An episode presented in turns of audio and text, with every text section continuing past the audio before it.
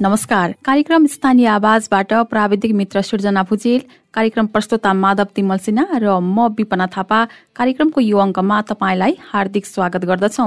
कार्यक्रम स्थानीय आवाज हरेक दिन ठिक साँझ साढे सात बजेदेखि आधा घण्टा रेडियो क्यान्डिड बयानब्बे दशमलव सात मेगाहजमा हाम्रो website W W W dot Radio Candid dot कममा हाम्रो आधिकारिक फेसबुक पेजमा रेडियो क्यान्डिडको एप्स डाउनलोड गरेर र पोडकास्टमा समेत सुन्न सक्नुहुन्छ।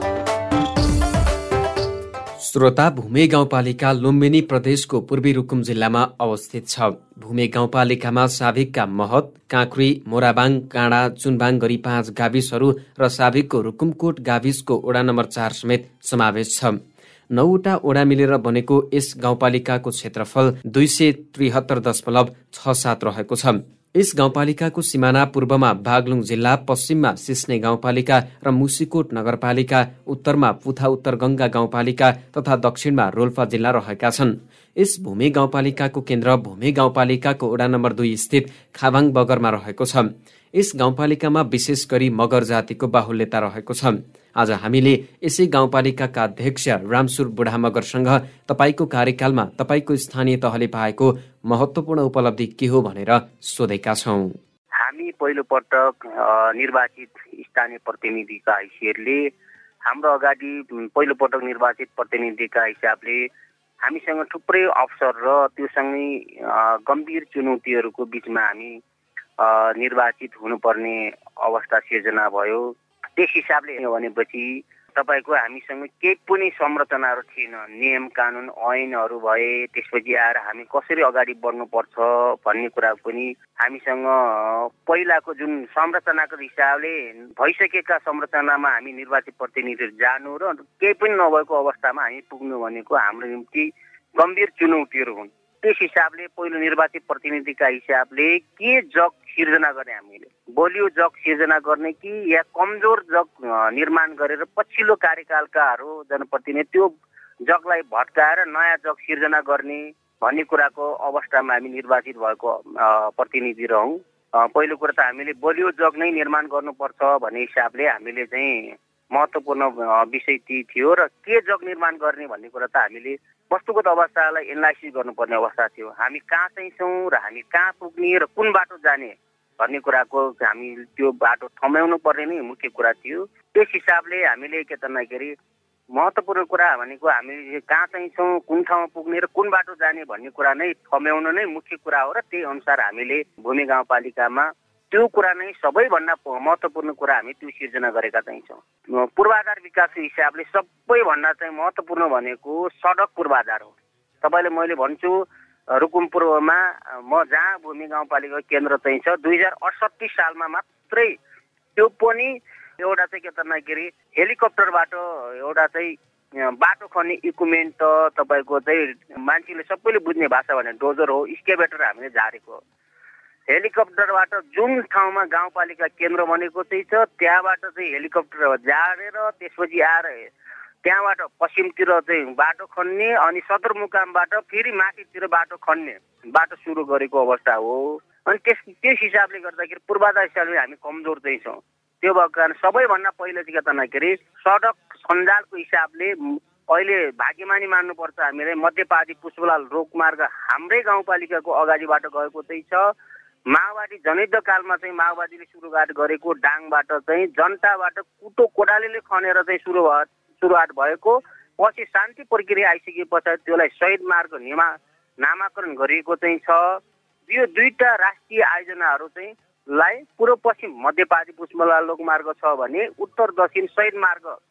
पछिल्लो समयमा माओवादीले कुटो कोदालीले खनेको चाहिँ बाटोलाई शहीद मार्ग नामाकरण गरी राष्ट्रिय राजमार्गको रूपमा नामाकरण गरेको चाहिँ उत्तर दक्षिण काटेको चाहिँ यो हाम्रो लागि एकदम सौभाग्यपूर्ण चाहिँ छ। त्यसलाई हामीले तपाईँको चाहिँ मुख्य मार्ग भनेका चाहिँ छौँ गाउँ गाउँबाट जोड्ने चाहिँ तपाईँको चाहिँ रिङ रोड भनेका चाहिँ छौँ। रिङ रोड र मुख्य मार्ग जोड्नेलाई भनेर चाहिँ लिङ्क रोड भनेर मुख्य मुख्य रोड रिङ रोड र लिङ्क रोड भनेर हामीले चाहिँ काम गरेर अहिले चाहिँ हाम्रो गाउँपालिकामा दुई हजार अडसट्ठी सालमा चाहिँ तपाईँको पहिलोपटक हेलिकप्टर झारेर गरेको चाहिँ काममा हामी धेरै जस्तो नब्बे प्रतिशत सडक सञ्जालले छोडेका चाहिँ छौँ जोडेका चाहिँ छौँ। हामीले भनेका थियौँ पूर्वाधार विकास मानव संसाधन संस्थागत विकास र आर्थिक समृद्धि भनेको हाम्रो चाहिँ गाउँपालिकाको मुख्य उद्देश्य हो। यो तिनवटा कुरालाई लिएर गएका चाहिँ छौँ।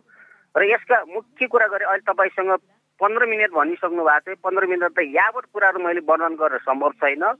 यी तिनवटा कुरालाई चाहिँ निर्धारण गरेर अगाडि बढेको अवस्थामा लगभग हामीले पचहत्तर प्रतिशत कामहरू चाहिँ काम गरिसकेका छ। पूर्वाधार दृष्टिकोणले मानव संसाधन संस्थागत विकासको हिसाबले र आर्थिक समृद्धिका हिसाबले हामी चाहिँ धेरै काम गरेका चाहिँ छौँ भन्ने कुरा चाहिँ हो। सबै गाविसमा बाटो पुगेको छ कि के छ अवस्था अहिले?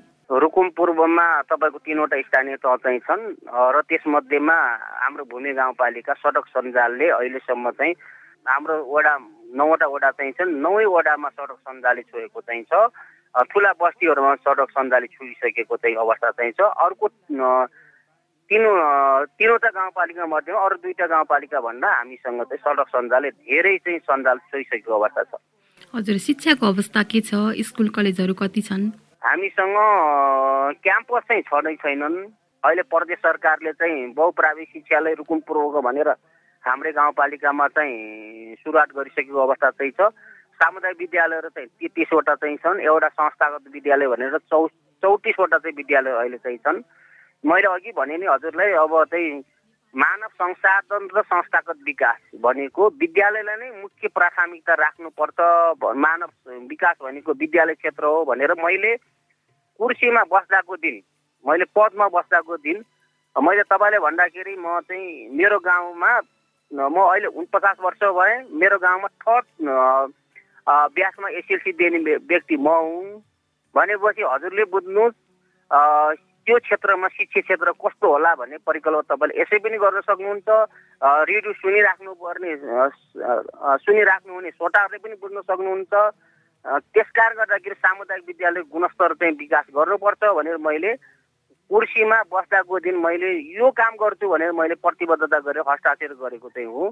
र त्यसको निम्ति अहिले चाहिँ हिजोको भन्दा धेरै चाहिँ सामुदायिक विद्यालयको गुणस्तर विकास हुँदै गएको चाहिँ त्यसमा चाहिँ अहिलेको अवस्था अनुसार बाल मैत्री शिक्षण सिकाइ चाहिँ को आधारमा चाहिँ काम गर्ने र सूचना प्रविधिको जमाना हो अहिलेको। आइसिटीको बेसमा तपाईँको यता के अरे शिक्षण सिकाइलाई चाहिँ विकास गरेर लैजानुपर्छ भनेर हामी छदेखि माथितिरकालाई चाहिँ आइसिटी बेसमा चाहिँ शिक्षण सिकाइ को आधारबाट अगाडि बढाउनु पर्छ भनेर हामीले चाहिँ कम्प्युटर ल्याबहरू बनाएका चाहिँ छौँ। तपाईँको चाहिँ प्रोजेक्टर मार्फत पठन पाठन सुरु गरेका चाहिँ छौँ। स्मार्ट बोर्डहरू सञ्चालन गरेका चाहिँ छौँ। यो आधारबाट मानव संसाधनको विकास हुन्छ र पेसागत हिसाबले कुनै राजनीति गर्ने अथवा कुनै चाहिँ तपाईँको चाहिँ जागिरी खान्छ भनेपछि जागिरी तपाईँको खाएर मात्र हुँदैन। त्यसको पेसामा दक्षता हुनुपर्छ भनेर हामीले के त विभिन्न किसिम तपाईँको चाहिँ प्लम्बिङ होला अथवा कुनै तपाईँको प्रशासनिक जागिरी खाने होला कुनै इन्जिनियरिङ जागिरी खाने होला त्यो जागिरी खाने नाममा जागिरी खाएर मात्र हुँदैन। त्यसको पेसागत दक्षता हुनुपर्छ संस्थागत दक्षता हुनुपर्छ भनेर हामीले तपाईँको मानव संसाधन संस्थागत विकास हुनुपर्छ भने हामी त्यो कुरालाई उठाएको हो। त्यही अनुसार चाहिँ हामीले सबै कुरा गऱ्यौँ भन्ने चाहिँ छैन तर धेरै कुरा काम गरेका चाहिँ यो नीति र योजना अनुसार। हजुर शिक्षासँगै स्वास्थ्यको पनि कुरा आउँछ। स्वास्थ्यमा जनशक्ति कति छ पर्याप्त मात्रामा छ कि छैन? अब आवश्यकता अनुसारको पर्याप्त जनशक्ति चाहिँ अब चाहिएको अवस्थामा तर नेपालको नेपाल सरकारले तोकेको मापदण्ड अनुसार अहिले चाहिँ अन्य जनशक्ति भन्न चाहिँ पुगेको चाहिँ छ। त्यसमा मापदण्ड अनुसार नपुगेको आधारमा हामीले के त गाउँपालिकाले सामुदायिक स्वास्थ्य इकाइहरू विस्तार गरेका चाहिँ छौँ र यसमा तपाईँको स्वयंसेवक ऐन अनुसार हामी शिक्षामा तपाईँको चाहिँ स्वास्थ्यमा अनि कृषि प्राविधिकमा इभिन अहिले संहिता अनुसारको के भन्दाखेरि सङ्घ र प्रदेशले हामीलाई थकेको चाहिँ छ। दरबनी अनुसार पटपूर्ति भएको छैन। कानुन बमोजिम हामीलाई चाहिँ पटपूर्ति गर्न पनि दिएको छैन। त्यही त्यो भएको कारणले हामीले के गर्यौँ भने आफ्नै कानुन बमोजिम स्वयंसेवक ऐन एउटा ऐन जारी गरेर जहाँ जनशक्ति छैन त्यहाँ चाहिँ पटपूर्ति गर्नको निम्ति त्यही स्वयंसेवक ऐन बमोजिम हामीले पटपूर्ति गरेर स्वास्थ्यमा पटपूर्ति गरेर हामीले नेपाल सरकारले तोकेको साम स्वास्थ्य इकाइहरूभन्दा बढी विस्तार गरेर हामीले चाहिँ स्वास्थ्य सेवा प्रदान गरेका चाहिँ छौँ। तर दक्ष जनशक्ति चाहिँ जुन खालको एमबिबिएस डाक्टरहरू चाहिँ हो त्यो चाहिँ अब छैन हामीसँग। अस्पतालहरू भर्खरै मात्र चाहिँ गाउँपालिका स्तरीय अस्पताल चाहिँ भवन निर्माण हुँदै गइरहेको चाहिँ छ। कोरोना महामारीको कारण गर्दाखेरि हाम्रै तपाईँको योजनामा अस्थायी कोरोना अस्पताल स्थापना गरेर गाउँपालिकाले नै एमबिबिएस डाक्टर स्टाफ राखेर दरबन्दी राखेर काम गरिरहेका छन्। अहिले गाउँपालिकामा खानेपानीको समस्या छ कि छैन? कस्तो छ खानेपानीको अवस्था? अब दिगो विकास लक्ष्य दुई हजार तिसले स्वच्छ र तपाईँको नागरिकको चाहिँ घरमा चाहिँ खानेपानी पुग्नुपर्छ भन्ने लक्ष्य हो। र सोही बमजिम चाहिँ अहिले चाहिँ हामीले त अब सानो सानो काम गर्ने हो।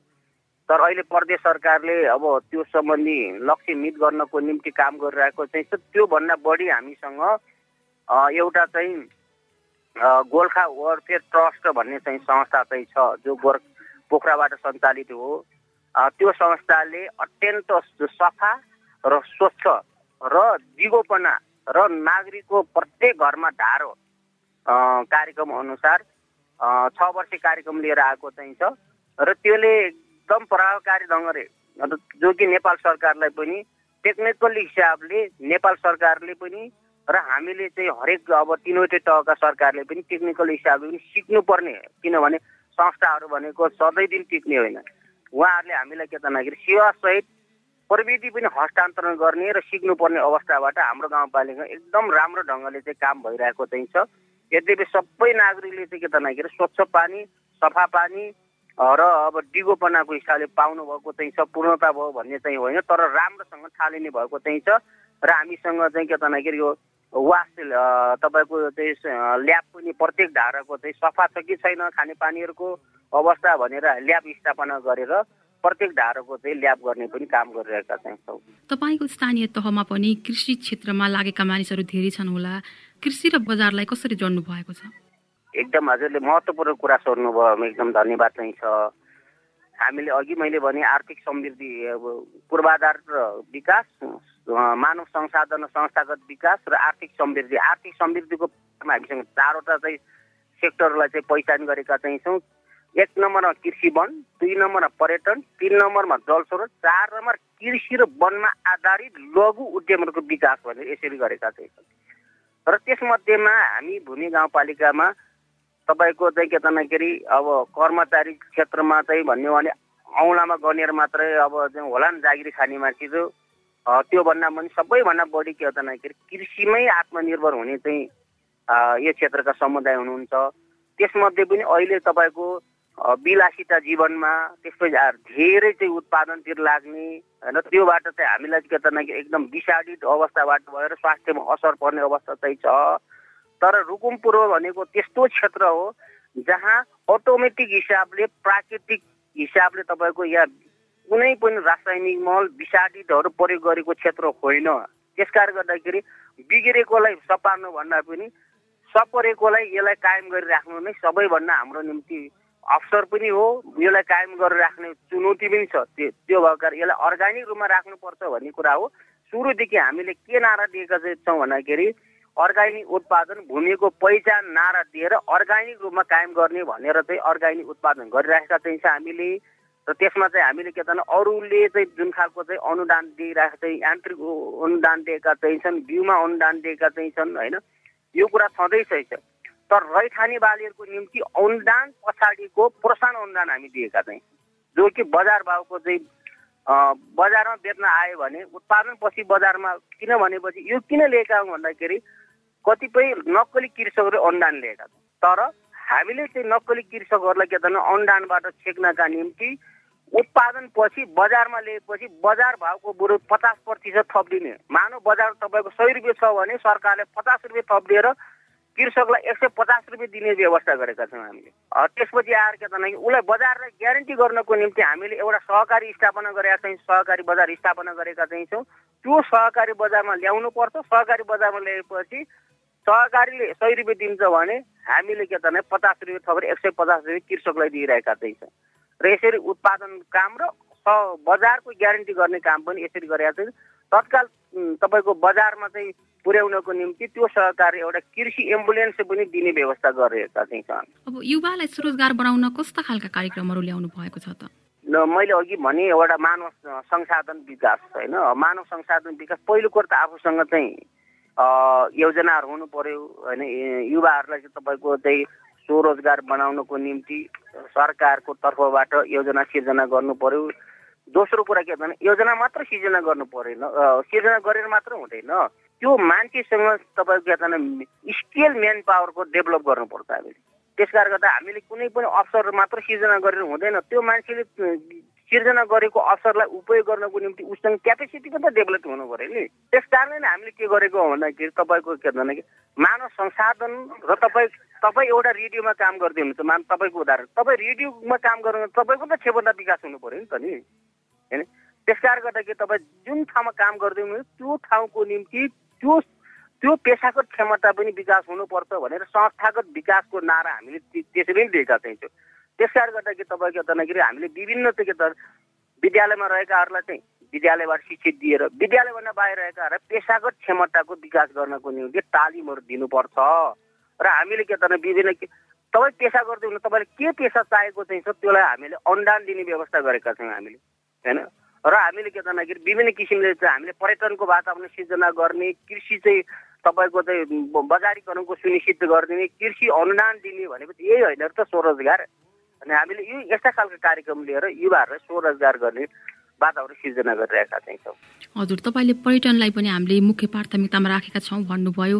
त्यहाँ पर्यटकीय स्थलको अवस्था के छ? भूमि गाउँपालिका भनेको म चाहिँ गाउँपालिका अध्यक्ष भूमि गाउँपालिका किन रह्यो भन्ने कुरा पहिलो कुरा चिन्नुपर्छ। या मगरहरूको चाहिँ के भन्दाखेरि बाहुलेटा क्षेत्र हो यो भूमि गाउँपालिका। अन्य जातिहरू न्यून रूपमा हुनुहुन्छ होइन? मगरहरू भनेको प्रकृति पूजक हो यो धरतीलाई यो भूमि भूमिलाई पूजा गर्ने चाहिँ हो। साबिक रुकुम अहिले सङ्घीयताले रुकुम पश्चिम भाग र रुकुम पूर्वी भाग बनाएको चाहिँ छ। सङ्घीयता निर्माण हुने बेलामा कति सङ्ख्या राख्ने कुन सीमाङ्कन गर्ने भन्ने कुराको सन्दर्भ म तत्कालीन नेकपा माओवादी केन्द्रको जिल्ला सचिवको हैसियतले म हरेक त्यो बैठकमा सहभागी चाहिँ छु। र त्यस बेला हामीले दसवटा स्थानीय तहहरू सिफारिस गरेका हौँ। दसवटा स्थानीय तहहरू सिफारिस गर्ने बेला अहिले नौवटा कायम गरेर आयो। त्यस बेलामा त्यसको नाम के राख्ने त्यसको नामाकरण के गर्ने कहाँबाट सीमाङ्कन गर्ने भन्ने कुराको सन्दर्भमा हरेक बैठकमा उपस्थित थिएँ।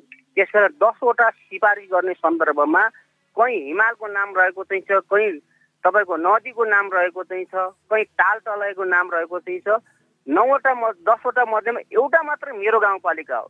जो मगरहरूको पहिचानको नामबाट नामाकरण गरेको यो भूमि भनेको जो प्रकृति मगरको प्रकृति पूजक जसले यो धरतीलाई मान्छ भूमिलाई मान्छ भनेर त्यो पहिचानको नामबाट रहेको चाहिँ यो भूमि गाउँपालिका हो। र मैले भन्दै गर्दाखेरि अघि चाहिँ मैले भने पर्यटन आर्थिक समृद्धिको आधार चारवटा मध्ये दोस्रो पर्यटन भनेको थिएँ। त्यो पर्यटन अन्तर्गत भने प्रकृति संस्कृति र इतिहास हामीसँग चाहिँ छ है? हामीसँग प्रकृति हिसाब तपाईँ हिमालहरू चाहिँ छन् हिउँ पर्छ हामीसँग लुम्बिनी प्रदेशको एक मात्र जिल्ला हिमाली जिल्ला हो। यसै पनि प्राकृतिक हिसाबले एकदम सुन्दर चाहिँ छ। मगरहरूको आदिवासी ठाठोलो हो उनीहरूको आफ्नै मौलिक संस्कृति संस्कार चाहिँ छ संस्कृति चाहिँ छ। इतिहास चाहिँ छ हामीसँग मगरको अठार मगराटहरूको ठाठोलो हो यहाँबाट नेपाल अधिराज्यभरि मगरहरू मात्रै हो सतहत्तरवटा जिल्लामा हो। बसोबास भएको। तर कुनै जातिहरू कुन जिल्लामा छन् कुनै जिल्लामा छैनन्। तर मगरहरू मात्रै सतहत्तरवटा जिल्लामा विस्तार भएको। जहाँ मगर यही ठाउँबाट चाहिँ के त भन्दाखेरि विस्तार भएका चाहिँ उनीहरूको भाषा चाहिँ छ उनीहरूको संस्कृति चाहिँ उनीहरूको वेशभूषा चाहिँ छ। यो पर्यटनको चाहिँ के त प्रचुर सम्भावना बोकेको ठाउँ हो। त्यो भएको कारणले गर्दाखेरि हामीले बरु के भन्दाखेरि सङ्घ प्रदेश स्थानीय तहले यो गाउँपालिकाको आर्थिक समृद्धिका हिसाबले एकै ठाउँमा रहेर एउटै योजनामा रहेर काम गऱ्यो भनेपछि धेरै चाहिँ सम्भावना चाहिँ छ र सोही बमोजिम हामी कामलाई पनि अगाडि बढाएका चाहिँ छौँ। हजुर अहिले त अब सामाजिक सुरक्षाको विषयमा पनि धेरैले प्रश्न उठाउने गरेका छन्। तपाईँको स्थानीय तहमा वृद्ध वृद्ध बालबालिका एकल महिला र अपाङ्गता भएका व्यक्तिको अवस्था के छ? एकदम अहिलेको चाहिँ समावेशको सिद्धान्तमा लैङ्गिक सामाजिक समावेशीकरण भनेको महत्त्वपूर्ण कुरा हो। अब सोही बमजिम हामीले जति सक्यो यति नै संवेदनशीलताका साथ हामी अगाडि बढेका चाहिँ छौँ।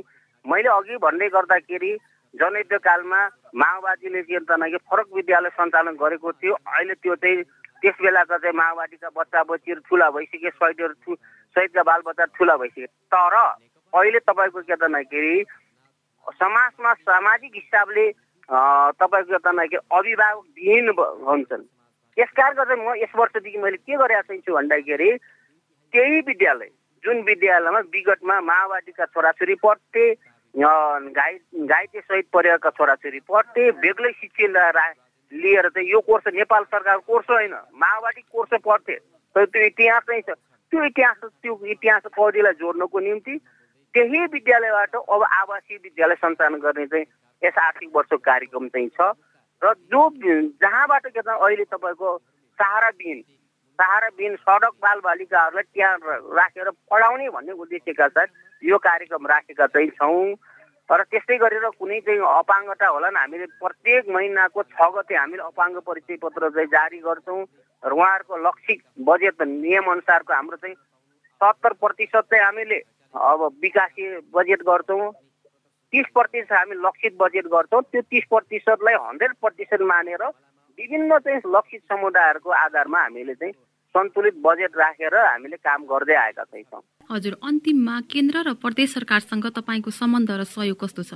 संविधानले नै परिकल्पना गरिसकेको चाहिँ छ हेर्नुहोस् होइन। सहकारी र संगठनात्मक सरकार भनिसकेपछि तर यिनी स्वायत्त सरकार पनि हो आफैमा स्वायत्त सरकार पनि हुन्। तर संविधानले परिकल्पना गरेको भनेको समन्वयात्मक र सहकारी सरकार हो। संविधानले परिकल्पना गरेको बमोजिमको म आफ्नो ठाउँमा समन्वय र सहकारी गरिरहेको चाहिँ छु। तर स्वायत्त सरकारको सन्दर्भमा चाहिँ हुने कुराको स्पष्ट भनेको अनुसूचित अनुसूचित पाँच तपाईँको सा अनुसूचित छ र आठ भनेको आफ्नो आफ्नो अनुसारको अधिकार हुन्। अनुसूची सात र नौमा चाहिँ साझा अधिकार दिएको चाहिँ छ र त्यो अनुसूची सात र नौको साझा अधिकारलाई स्पष्ट ढङ्गले अधिकार बाँडफाँडमा सङ्घ र प्रदेश चाहिँ एकदम आफ्नो अधिकार छोड्न मानेको चाहिँ छैन यो कुराको मेरो एकदम बारम्बार मैले चाहिँ यो कुराको मेरो आपत्ति चाहिँ छ र स्पष्ट रूपमा सात र नौमा रहेको अनुसूचीहरूलाई के त प्रस्तुत अझ सातको मसँग चाहिँ हाम्रो स्थानीय चाहिँ भएको कारण सातसँग मेरो धेरै सरोकार छैन किनभने सङ्घ र प्रदेशको साझा सूची हो। अनुसूची नौ भनेको सङ्घ र प्रदेश र स्थानीय तहको हो। अहिले मेरो कार्यकाल सकिँदै सकिसकेको चाहिँ छ तर अनुसूची नौमा तपाईँको साझा सूचीमा रहेको अधिकारलाई बाँडफाँड गर्ने कुरामा सङ्घीय सरकार चुकेको चाहिँ छ। हामीलाई अधिकार दिन मानेको छैन होइन? तर मैले के त नखेर जहाँ अनुसूची नौ बुन्जीका कामहरू के त मेरो तर्फबाट सहकारी र समन्वय गर्ने कुरा म प्रतिबद्ध चाहिँ छु। मैले काम त्यही अनुसार गरिरहेको छु। तर कानुनै छैन मैले कसरी गर्नु? हामीलाई समय दिनुभएकोमा धेरै धन्यवाद। एकदम धेरै धेरै धन्यवाद चाहिँ छ। मेरा आफ्ना बुझाइहरू मेरा विचारहरू मेरो गाउँपालिकाले गरेको प्रयासहरूको सन्दर्भमा तपाईँहरूको मिडिया मार्फत दिने जुन विचार प्रसारण गर्ने जुन मौका दिनुभयो त्यसको निम्ति म धेरै धेरै धन्यवाद दिन चाहन्छु। आजको कार्यक्रम स्थानीय आवाजमा हामीले भूमि गाउँपालिकाका अध्यक्ष रामसुर बुढा मगरसँग स्थानीय तहमा जनप्रतिनिधिको कार्यकाल सकिने लाग्दा भएका विकास निर्माण तथा अन्य सुधारका विषयमा केन्द्रित रहेर कुराकानी गर्यौं। कार्यक्रम सुनेपछि तपाईँलाई कुनै सुझाव दिन मन लागेको छ अथवा कुनै स्थानीय तहका प्रतिनिधिसँग कुराकानी गरिदिए हुन्थ्यो भन्ने चाहनुहुन्छ भने हामीलाई हाम्रो फेसबुक पेजमा मेसेज गर्नुहोस् अथवा कार्यक्रमको इमेल ठेगाना radio candid ninety two point seven at the rate Gmail dot कममा मेल गर्नुहोस्। उपयुक्त सुझावलाई हामी पक्कै ग्रहण गर्नेछौ। कार्यक्रम सुनिदिनुभयो तपाईँलाई धन्यवाद। हस्त भोलि फेरि भेटौँला।